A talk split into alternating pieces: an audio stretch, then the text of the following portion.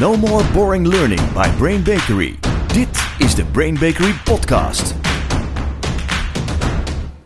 Heel hartelijk welkom. Wat leuk dat je weer luistert naar een nieuwe aflevering van onze podcast. Ik ben hier met mijn collega Sjana. Hi Jan-Peter. Waar wij het in deze aflevering over hebben, ja. Ja. is over die situatie dat je, dat je jezelf vindt op zo'n plek dat je denkt... ik vind het lastig om iets af te maken. Of ik vind het lastig om in iets te beginnen. Ja, dat je, dat je er tegenaan loopt, dat je iets anders zou willen in je leven en het lukt niet. Gewoon, gewoon dat je een soort wanhopig voelt misschien wel bijna. Ja, Eh, dat kan voor jouzelf gelden. Ja. Maar dat kan natuurlijk ook voor je deelnemers gelden. Ja. Want hoe vaak hebben we het niet in trainingen... dat deelnemers soort verzuchtend bij je komen met... ik heb het geprobeerd. het lukte niet. Eh, ik, en ik heb dan nog dit geprobeerd, maar het lukt nog steeds niet. Of ik probeer het niet eens. Ik vond het een erg goed idee, maar daarna Ja. word ik opgeslokt door de realiteit. En ik doe gewoon niks nee, meer. nee. Dus waar we het over hebben is hoe kun je dat voor jezelf, hoe kun je jezelf van die plek krijgen, eh, maar natuurlijk ook hoe kun je je deelnemers van die plek krijgen. Juist. Ehm, dus blijf luisteren, want we gaan je in deze podcast je een heel arsenaal aan technieken en trucjes geven om jouzelf of je deelnemers te helpen. Ja. En eerst moet je even realiseren wat er denk ik eigenlijk gebeurt. Hè? Op het moment dat jij een goed voornemen hebt, het ligt alweer een tijdje achter ons, maar rondom de jaarwisseling doen Ja. we dat natuurlijk heel vaak. Eh, en daarom heet volgens mij Blue Monday ook Blue Monday, die dan ergens in januari Ja. volgt. Want dan is iedereen alweer gestruikeld. ja, Ja, ja. Hè, er, er, er wordt ook wel gemeten van hoeveel mensen houden dan hun goede voornemens vol. En meestal 90 tot 95 procent mislukt, strand, ruim voor de finish. Eh, en wat je ziet is dat de meeste mensen als belangrijkste strategie hebben om eh, hun eh, om, om, om iets aan te pakken, iets te gaan veranderen en dan als ze op het plekje komen van het lukt me niet, is dat hun strategie is dat ze in hun hoofd kruipen. Ze gaan cognitief aan de slag. Hoe komt dit? Eh, waarom doe ik het nou toch weer niet? Oh, de vorige keer was het ook al mislukt. Oh, hoe zou ik het nou beter kunnen doen? Dan ga je ook nadenken, ja, maar ik voel ook geen inspiratie. Nee, dan, dan ga je bijvoorbeeld denken, laat ik het op een ander moment van de dag proberen. Ja. Of een ander moment in de week of Precies. zoiets. Ja, je Gaat, eigenlijk ga je met je gedachten je richten op iets te fixen wat niet aan het lukken is. Ja. En dat probeer je cognitief. Ik merkte het bijvoorbeeld, als ik bruut eerlijk ben, vanochtend. Ik zit midden Oh in de squat challenge. Daar heb ik Jan-Peter jou ook in meegetrokken. En Jordi ook. En eh heel Brain Bakery is gewoon enorm aan het squatten. En dat- we, we werken van 0 eh, af tot aan 250 per dag. En vanochtend zat ik op de Help. 140. Help. En ik merkte dat ik echt op een gegeven moment ging denken: nee, dit was eigenlijk geen goed idee. 140 is ook al heel veel. echt, echt heel Heb, veel. zoveel heb ik er nooit Nee. gekund. Dus ik, ik merk dat ik in mijn hoofd ben ik mezelf aan het af, afhalen van mijn commitment. En ik merkte ook vanochtend toen wij een kopje koffie dronken, eh, dat ik jou ging meetrekken in. Hoe ver ben jij Ja. nu? En is Dat het je- niet al genoeg? Dat je een soort stille hoop hebt. Ja. Ook dat is een mentaal iets wat je gaat doen op het moment dat iets wat je je voorgenomen hebt niet lukt. En ja, dan moet je niet doen. Daar ligt het antwoord niet. Nee. Want wat er namelijk gebeurt is als je het in een modelletje zou gieten, eh, is dat op het moment dat je bedenkt, ik ga een squat challenge doen, of ik ga mijn gedrag veranderen, of ik ga voortaan in een vergadering altijd wat zeggen, whatever je context is, of whatever de context van je deelnemer is, dan terwijl je dat bedenkt, denk je echt, wow, wat een goed idee van Ja. mij. Ja. Dan voel je helemaal inspiratie, Ja. je voelt kracht en energie. Het is echt Ja. heel goed voor mij. En, en misschien ga je het ook wel delen. Of ik heb dan van die bullet journals. Daar ga ik dat dan allemaal- in opschrijven. En dan raak ik zwaar geïnspireerd. En denk ik, hé, lekker. En ehm, dat noemen we eigenlijk uninformed optimism. Dan ben je niet geïnformeerd door de realiteit. Je bent gewoon optimistisch en je denkt, woehoe, squatten, wat een goed idee. En bij mij kwam die ook nog voort dat ik vroeger 80 kilo zwaarder woog. Dat ik echt, nou ja, squatten was echt gewoon, dan zou ik zeggen, denk ik, ik was morbide obese. Ik zou zijn gestorven. Dus ik dacht nu, ik kan dat nu, ik heb daar nu het lijf voor, ik ga het doen. Ehm, dus dat is de eerste fase en die helpt je vaak om te beginnen. Ja. Het is wel echt een hele lekkere plek om te Ja. zitten. Maar dan Ja. op een gegeven moment komt de tweede fase. En, en meestal ben je dan eventjes al een tijdje bezig met de verandering die jij zelf wil.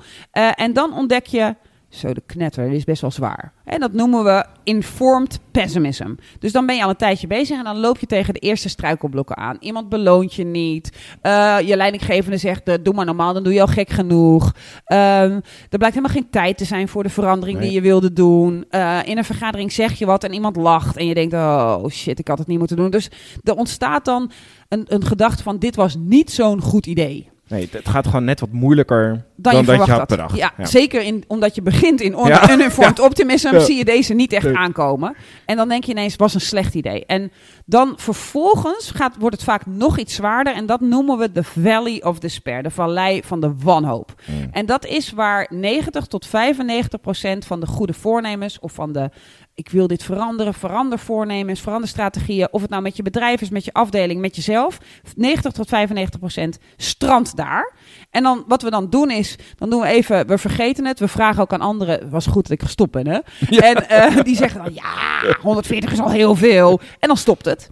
En ehm, dan ga je eigenlijk weer terug naar uninformed optimism en dan ga je het volgende bedenken. Heel lekker. Ja. en dan ben je weer helemaal, "Oh, wat een goed idee. en dan, nou, dat. Ja. Ehm, terwijl op het moment dat je in staat bent om door die vallei van despair, die valley of despair, eh, heen te komen, daarachter ligt dan voor het eerst, oké, informed optimism. Oké, squats zijn dus heel erg zwaar. Ik ben nu door die valley of despair heen. Ik weet nu hoe ik dat ga volhouden. En ik merk mijn eerste successen. Mijn broek gaat losser zitten. Ik kan makkelijker opstaan. Ik kan dieper squatten. Ja. Ineens ga je dingen zien van... Oké, ik denk dat ik dit ga kunnen als ik nu maar volhoud. En als je dat punt bereikt hebt... dan ben je bijna bij succes en fulfillment. Dan ben je bijna bij mijn verandering is geslaagd.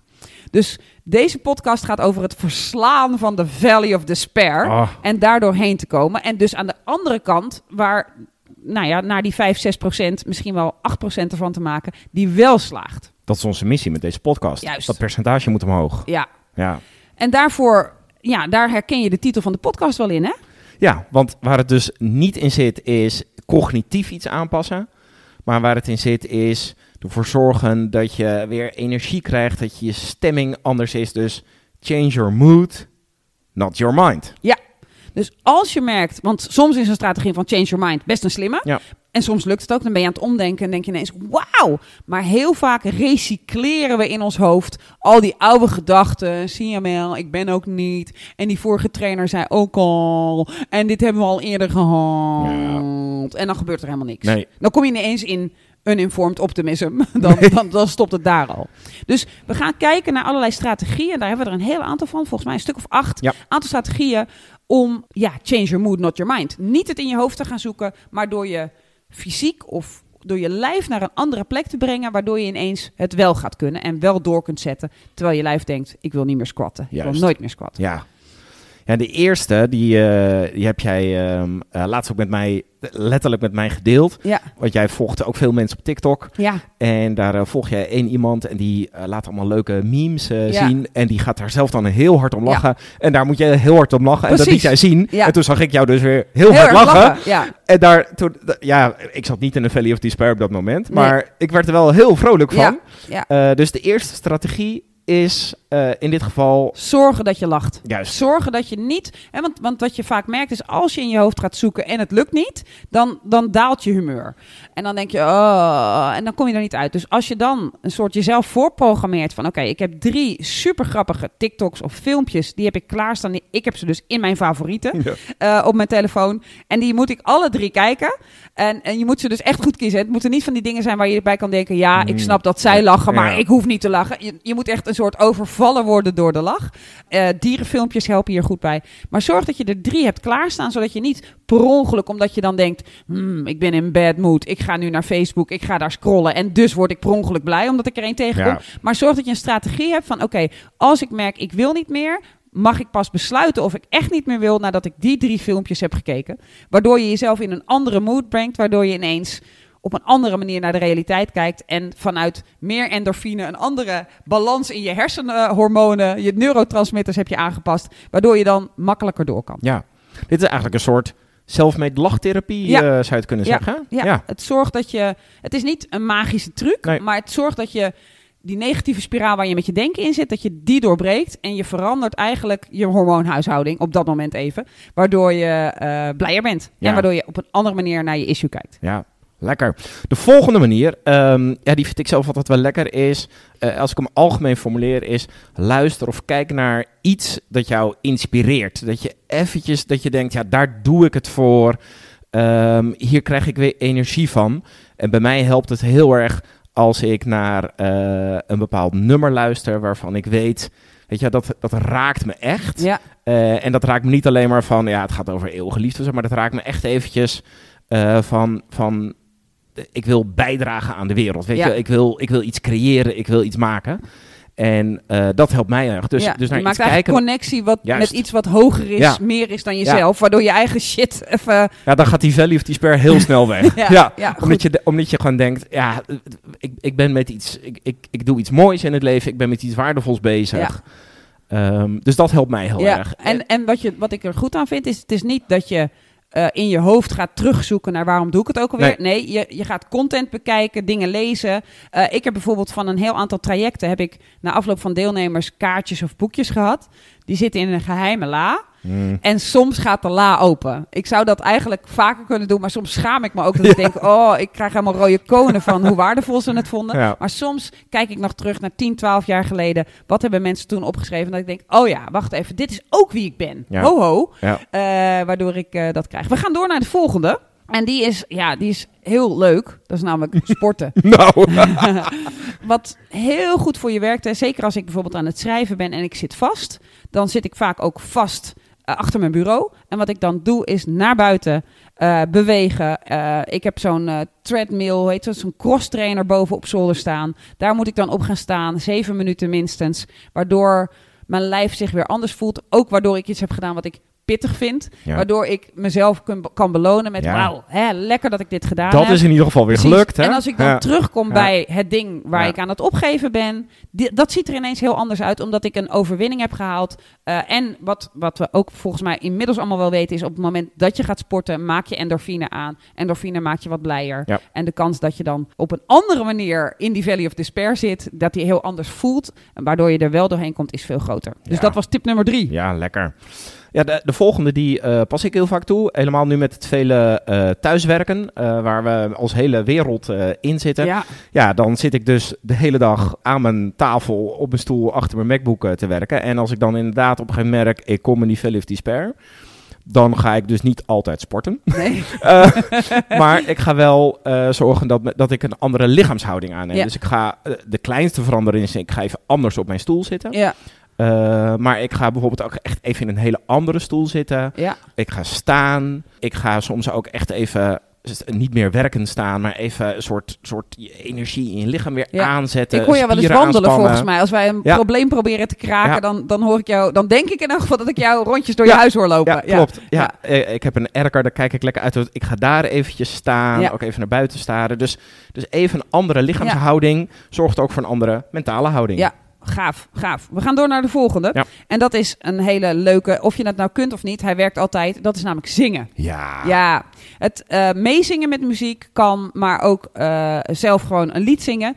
Als je aan het zingen bent, dan kun je op dat mo- eh, je kunt niet in de Valley of Despair zingen. Nee. Je kunt wel hele dramatische nummers zingen, waardoor je heel veel gevoel krijgt. Maar je bent niet meer in de Valley of Despair, het gaat mij niet lukken. Want je lichaam maakt namelijk positieve eh, emoties aan als je aan het zingen bent. Dus je trekt jezelf heel even- eruit. En meestal is één lied al genoeg. Ik zing dan bijvoorbeeld heel graag... Oh, ga ik die... Oh, misschien is het wel een fuck-up. Oh, ik ga een confession doen. Even een bekentenis. Daar Ik zing die. heel vaak van Siske de Vergeet nu maar je zorgen. Wat eigenlijk letterlijk gaat over The Valley of Despair. Ja. En dan hoor ik dat stemmetje van hem in mijn hoofd of ik speel hem af. En dan zing ik mee en dan, ja, dan kijk je op een andere manier Ja. naar The Valley of Despair. En daar zitten natuurlijk ook prachtige emoties aan gekoppeld aan het hele nummer. Van die Ja. film, van die jeugdherinneringen. Prachtig. Ja. Ja. De volgende. ehm, ja, deze is, ik doe hem af en toe. Eh, soms voelt hij een beetje geforceerd, maar hij helpt wel erg. Is het heel erg bewust gaan waarderen van de dingen om je heen. Ja. Eh, dus dan ga ik denken van, ja, maar het, het, ik heb hier een fantastisch huis. Dan ga ik even naar mijn kat, ik ga naar mijn relatie, ik ga naar mijn werk, ik ga naar mijn deelnemers.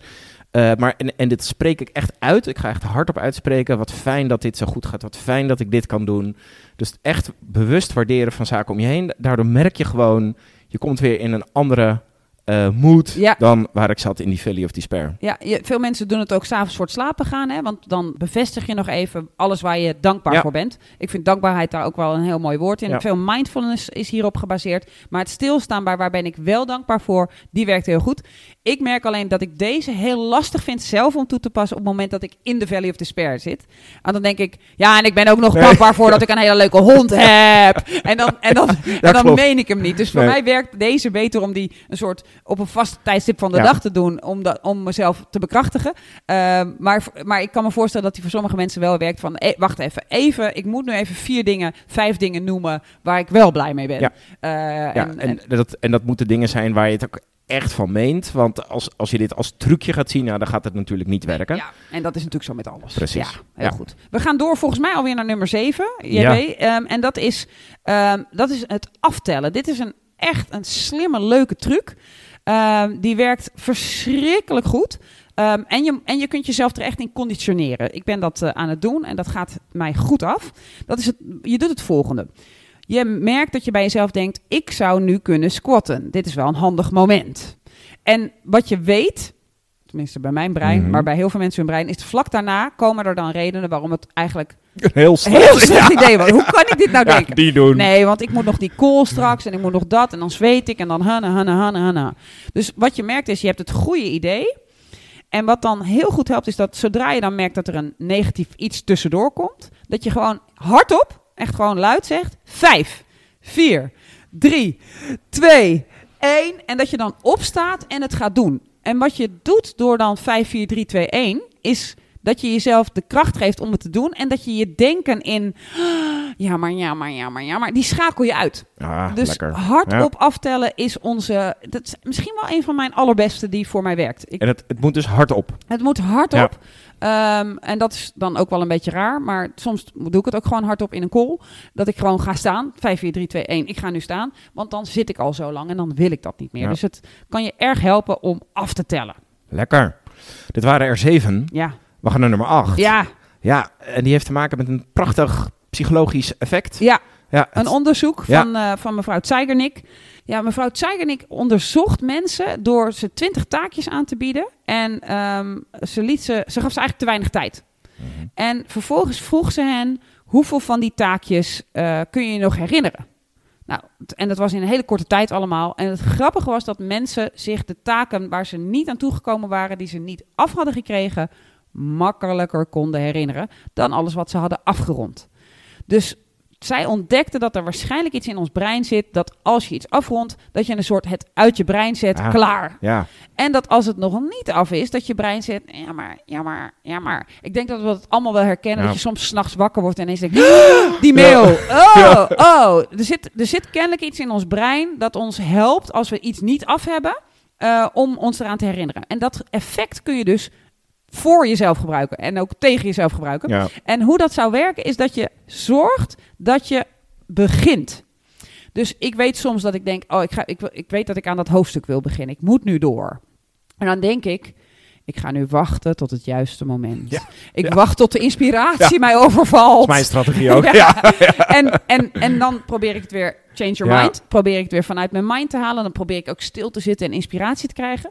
Maar wat ik heb geleerd van eh, het Zeigarnik effect is dat ik gewoon start. Dus ik doe gewoon mijn 5, 4, 3, 2, 1. Ik doe eh, het hoofdstuk open. Ik schrijf op hoofdstuk 5. En ik begin te typen. En vaak typ ik dan als eerste woorden. Ik weet niet waar ik hoofdstuk 5 moet Ja, beginnen. Maar ik wil het in elk geval hierover hebben. En ha, na, na, na, na. Inmiddels weet ik ook schrijven is schrappen. Maar doordat je dan twee alinea's vast hebt. Waarbij de eerste een soort startalinea is waarvan ik weet die gaat weg. Wordt de tweede alinea al inhoudelijker. En wat er nu gebeurt, is dat als ik hem daarna stop. Ik, ik zeg dus ook tegen mezelf: ik hoef er maar vijf minuten aan te werken. Door, als ik er nu aan stop, is het idee al geboren. En zit er een soort zaadje in mijn hoofd, een Mm. soort dingetje in mijn hoofd dat zegt: Kom op, Moet kom af. op, Ja. je moet af. Ga door. En ook Ja. ga door, want je had dat idee. En hanna, hanna, hanna. Dus, dus het gewoon jezelf dwingen. oh, Oké, het werkt zelfs bij stofzuigen. Ik doe alleen die hoek. en dan weet je, dan weet je, ik ben na vijf minuten klaar. Daar kan ik mezelf wel toe zetten. Ik kan me niet zetten tot die he- het hele huis. Ik doe alleen even die hoek. En vaak pak je dan toch meer mee. Ja, als ik dan toch bezig ben. En ja. dan ga je door. Dus het jezelf verleiden eh, door maar vijf minuten te hoeven beginnen. Waarna je vast gestart bent, waarna je brein je eigenlijk gaat helpen om door te gaan. Dat is onze achtste tip. Lekker. Ja. En zo hebben wij acht tips, trucs, technieken met jullie gedeeld om niet in je mind te gaan, maar om je moed te veranderen. Ja. En dat zijn eh, dus bijvoorbeeld filmpjes opzoeken waardoor je heel hard gaat lachen. Hè? Want Ja. het lachen, dat, eh, dat helpt heel erg. Eh, bewegen, sporten, hardlopen, een andere lichaamshouding. We gaan zingen. Eh, het hardop aftellen Ja. helpt, eh, helpt heel erg. Het luisteren of kijken naar iets dat je inspireert. Het waarderen van zaken om je heen. En met iets op een hele kleine manier beginnen, waardoor het cycling effect, waardoor dat voor je gaat werken. Ja. Acht tips, schrijf ze allemaal op.